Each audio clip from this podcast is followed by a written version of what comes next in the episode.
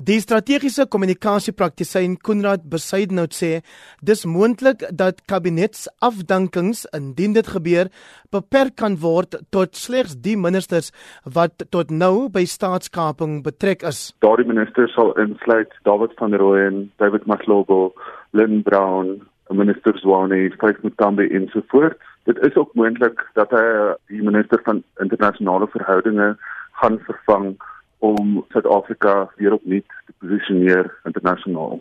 Ander politieke waarnemers wat monitor genader het sonder drie name uit wat hulle meen in die pad gesteek moet word.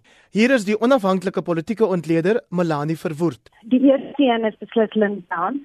As gevolg van die toestand wat ons staatsondernemings in is, veral Eskom en die risiko wat dit vir die hele land se ekonomie inhou.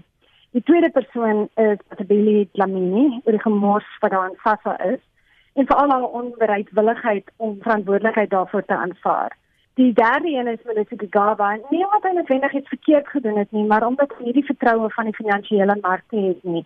En dit is uiters belangrik vir ons om die finansiële groei te kry wat ons nodig het. Dr Oscar van Heerden is 'n internasionale betrekkinge kenner en hy skryf politieke rubrieke vir die Daily Maverick aanlyn publikasie. Eerstens uh, Des van Rooyen in terme van plaaslike regering. Ons weet hoe hy in die kabinet ingekom het in die eerste plek, die kortste diens wat hy gedoen het vir finansies.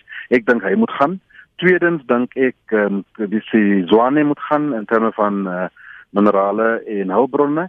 Die die sektor is in 'n chaos.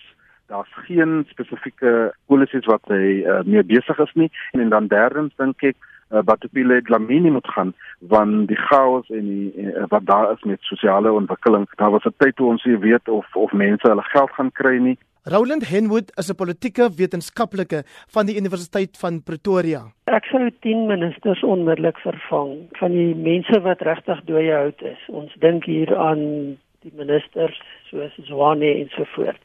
Die drie onmiddellike veranderinge is finansies, Gigaba, eenvoudig om meer verantwoordelikheid en vertroue in te boesem. Tweede een is Bongani Bongo van staatsveiligheid.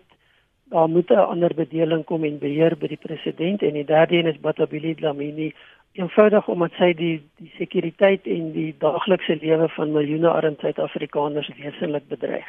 Professor Erwin Swela is van die skool vir publieke leierskap by die Universiteit van Stellenbosch. Die drie ministers wat ek sou ontslaan is eh, die minister van mynwese, meneer Mchibenzi Zwane en die rede is dat hy eintlik so uh, onder verdenking is as gevolg van sy betrokkeheid by die Vrystaatse melkplaas dat hy eintlik nie in mynbou betrokke behoort te wees nie. Die tweede ene is uh, minister uh, Batlebeni Lamini, Batlebeni Lamini die minister van maatskaplike aangeleenthede. Ons sê net 'n rekord van uh, voortdurende mislukking en uh, het ons nou al 'n klomp keer in die stres geplaas dat ons dalk die die uitbetalings van maatskaplike toelaas sou kon verloor en sy is gewoon net nie bekwam nie.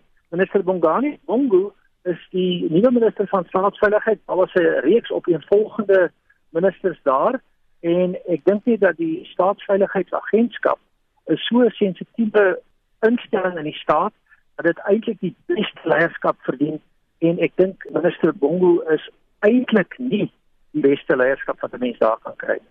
En die laaste woord behoort aan Pieter de Tooy, die hoofredakteur van The Huffington Post in Suid-Afrika. Malisiki Gaba, die minister van finansies, hy is totaal en al uit sy diepte uit. Hy verstaan nie hoe staatsfinansies werk nie. Hy is baie naby aan die Guptas en hy is veronderstel om die begrotingsrede volgende week te lewer en dit kan nie gebeur nie. Lynn Brown, minister van openbare ondernemings, sy is die toesighouer van Eskom. Sy het uh, staatskaping help bevorder deur die direksies van verskeie staatsondernemings met Gupta gesinde lede te pak, sy moet dadelik waai. En dan dink ek Michael Masuta, die minister van Justisie, hy is in beheer van die nasionale vervolgingsgesag en daar is ernstige en groot probleme, ons moet hom ook daar uitkry. Hy is 'n politieke liggewig.